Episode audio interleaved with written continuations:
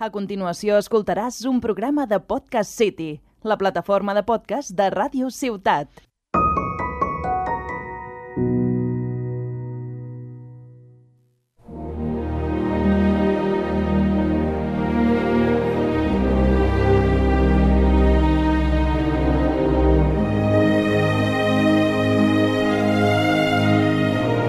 Plenitud a la vida quotidiana, un programa d'espiritualitat pràctica presentat per Jaume Arasa.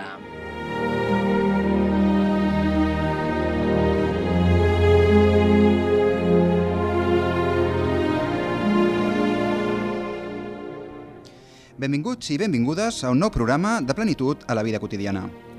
Avui parlarem sobre el nivell mental de la personalitat. Veurem per què estem sumits en embolics mentals i quina és la manera de situar-nos a la intel·ligència que som, per agafar de nou les regnes de la nostra ment. A la segona part del programa parlarem amb en Jordi Sapés i avui acabarem amb un exercici que ens permetrà posar l'atenció i aprofundir al centre mental.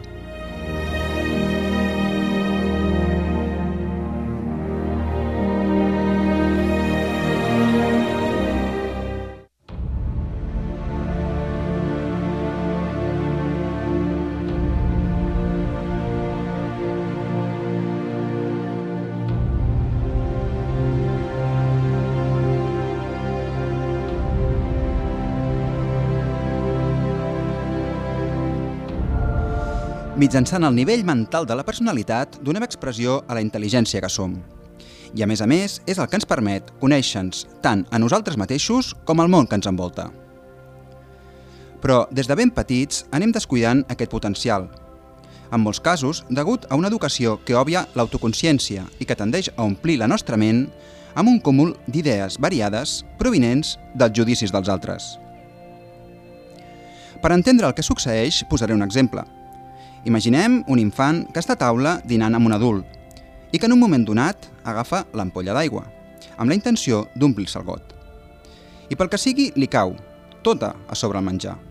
Aleshores, si l'adult s'enfada, el rebutja i li diu que és un maldestre, el nen o nena associarà aquesta experiència a una idea negativa d'ell mateix.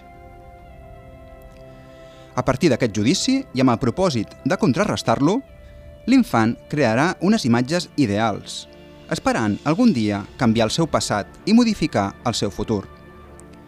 I així és com s'origina el personatge, i quedem atrapats, identificats, amb uns conceptes d'identitat que estan carregats d'idees deficients i somnis impossibles. La conseqüència és que, situats a la part més externa de la nostra ment, vivim apartats del nucli d'intel·ligència que som. Allunyats de nosaltres mateixos, dormits a la nostra identitat, i impedint un desenvolupament i maduració psicològic natural. Aquesta és la causa de que visquem desorientats, ennubulats, desenfocats, el que porta a experimentar un dèficit de comprensió i el que és pitjor, viure des d'una dèbil i oscil·lant noció d'identitat, que ens du a preguntar-nos on estem realment nosaltres i què hi pintem aquí.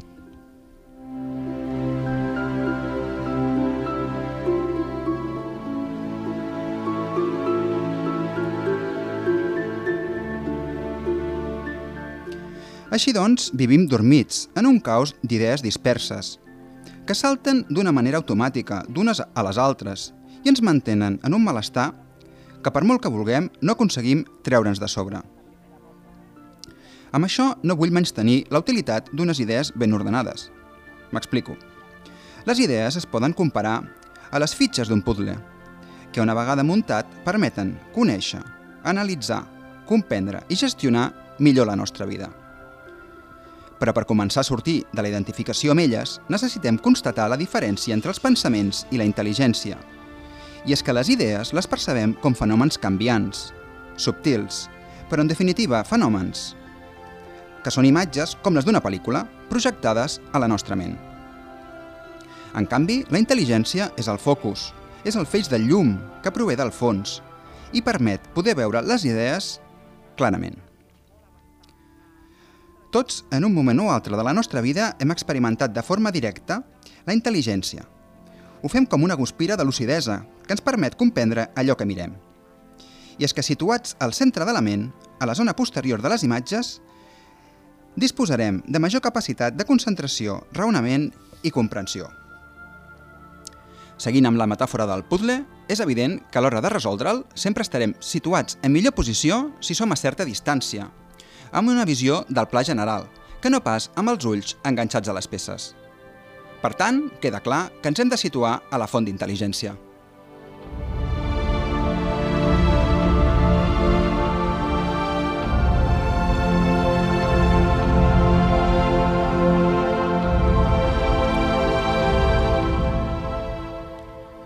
Per situar-nos al fons del centre mental, primer de tot hem de revertir el fet habitual d'estar abocats a l'exterior.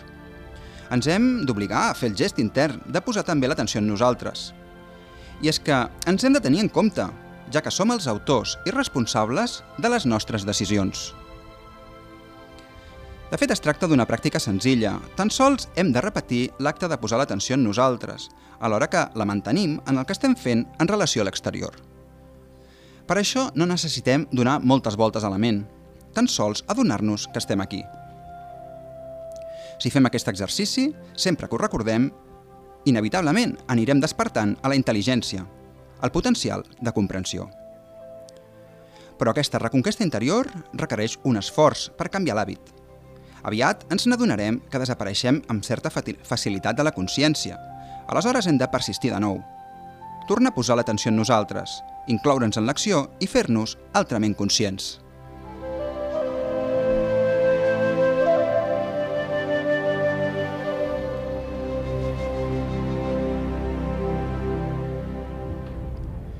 Situats al centre mental, ens percebrem a nosaltres mateixos amb una sensació de subjecte, d'autoconsciència, de ser jo el que sóc, de ser jo el que penso, vivint una relació intensa amb mi i amb els altres. Després de la intel·ligència estarem oberts a la intuïció i gràcies a una ment ordenada actuarem tocant de peus a terra, integrant les idees, el que ens permetrà expressar i actualitzar el potencial i deixar per fi enrere la por a viure del tot. Per acabar, assenyalar unes paraules de l'Antoni Blai que deien El que vol arribar a un estat de realització, de descobriment central de l'ésser, ha d'estar profundament animat per un esperit d'aventura, però al mateix temps ha d'estar centrat i tenir una ment sòlida.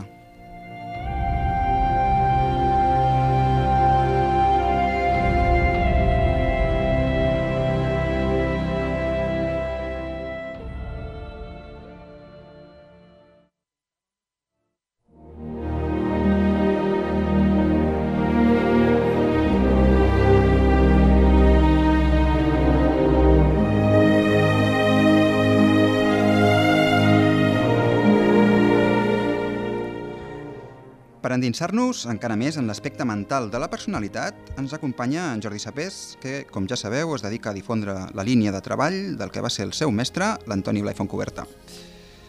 Benvingut, Jordi. Hola, bona tarda. Gràcies de nou per estar amb nosaltres. Encantat. Avui estem parlant del nivell mental de la personalitat i hi ha un aspecte que, que m'agradaria que ens aclarissis. I és la diferència que hi ha entre, entre els conceptes o entre les realitats de, de ment i cervell? A veure, el cervell és un òrgan uh mhm. -huh. que serveix per fer funcionar la ment en el nivell físic. És com les cames i els braços que serveixen per fer funcionar l'energia també en aquest pla. Uh mhm. -huh. Però, esclar, una cosa és l'energia, que és la vida que som, i l'altra cosa són les mans i els braços. I el mateix passa amb la intel·ligència. Una cosa és la intel·ligència que som i l'altra cosa és el cervell, que és l'organisme que vehicula els pensaments eh, i sobretot mm, permet relacionar l'exterior amb l'interior. Això és el que bàsicament fa el cervell, relacionar els objectes que veiem a fora eh, amb, amb els pensaments. Uh -huh. Aleshores, ja posant l'atenció una miqueta al, a, a la ment, i concretament en el fons de la ment, és a dir, en aquests focus d'intel·ligència, mm, com veus a la societat? La societat eh, realment és conscient de, la, de què és intel·ligència? Pues molt poc, molt poc. Eh, a veure, eh, seguint amb aquest símil que dèiem dels braços i de les cames, és com si diguéssim que en, els, en el nivell de l'energia ens ho han de fer tot.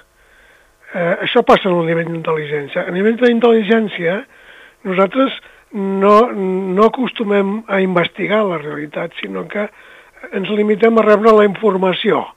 És a dir, hi ha hagut algú que l'ha estudiada i ens transmet els coneixements. Eh, això és, és com si algú pensés per nosaltres. Uh -huh.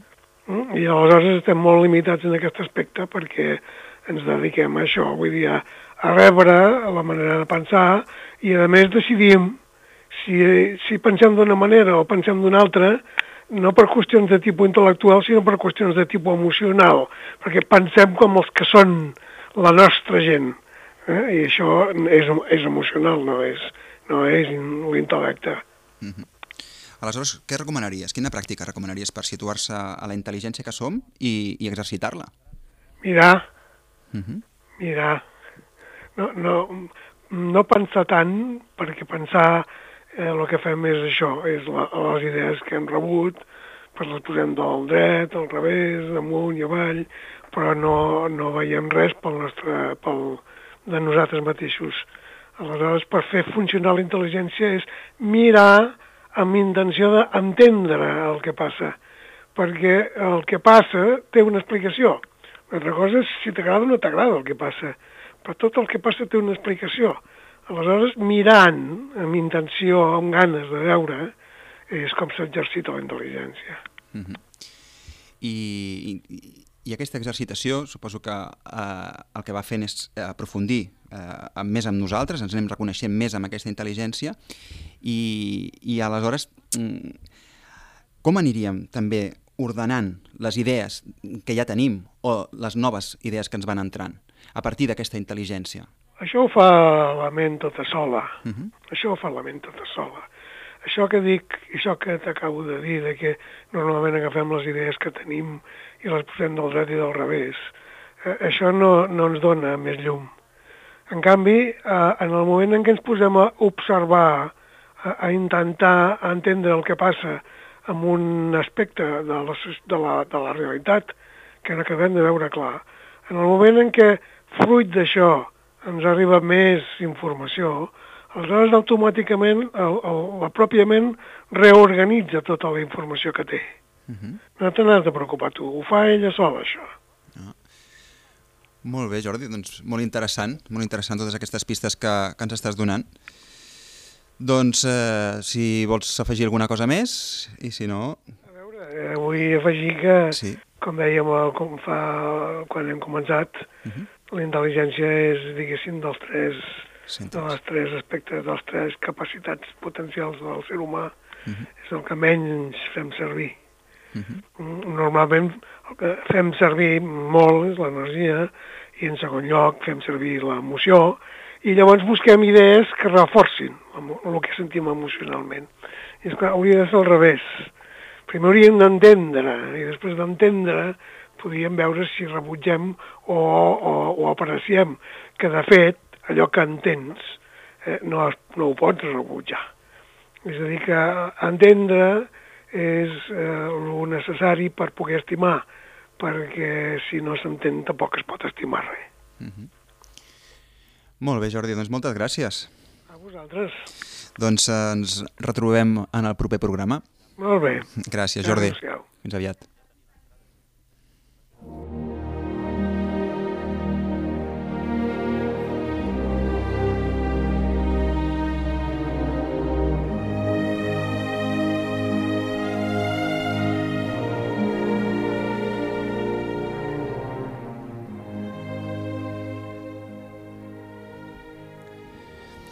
Anem a fer una pràctica de 6 minuts on escoltarem el so d'un gong, que ens servirà per aprofundir i arribar al centre mental. Comencem. Ens asseiem de manera còmoda, relaxem el cos i l'efectivitat, deixem que entri i surti l'aire i aprofundim en nosaltres mateixos. Posem l'esquena recta i el cap alineat Tanquem els ulls i deixem que el so del gong entri dins la ment. Aprofitem l'estela d'aquestes onades de so i el resseguim mitjançant l'atenció, que ens durà a l'origen de la nostra percepció, clara i lúcida, la nostra intel·ligència.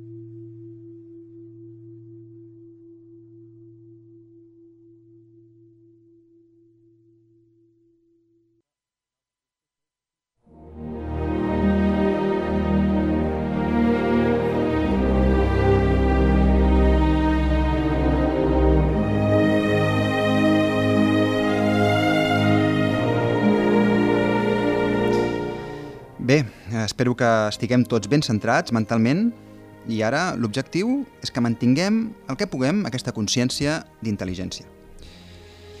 I fins aquí hem arribat. Això és tot. Agrair a l'Arnau, al control tècnic i a tots vosaltres per ser-hi. Si ho desitgeu, ens retrobem al proper programa. Fins aviat.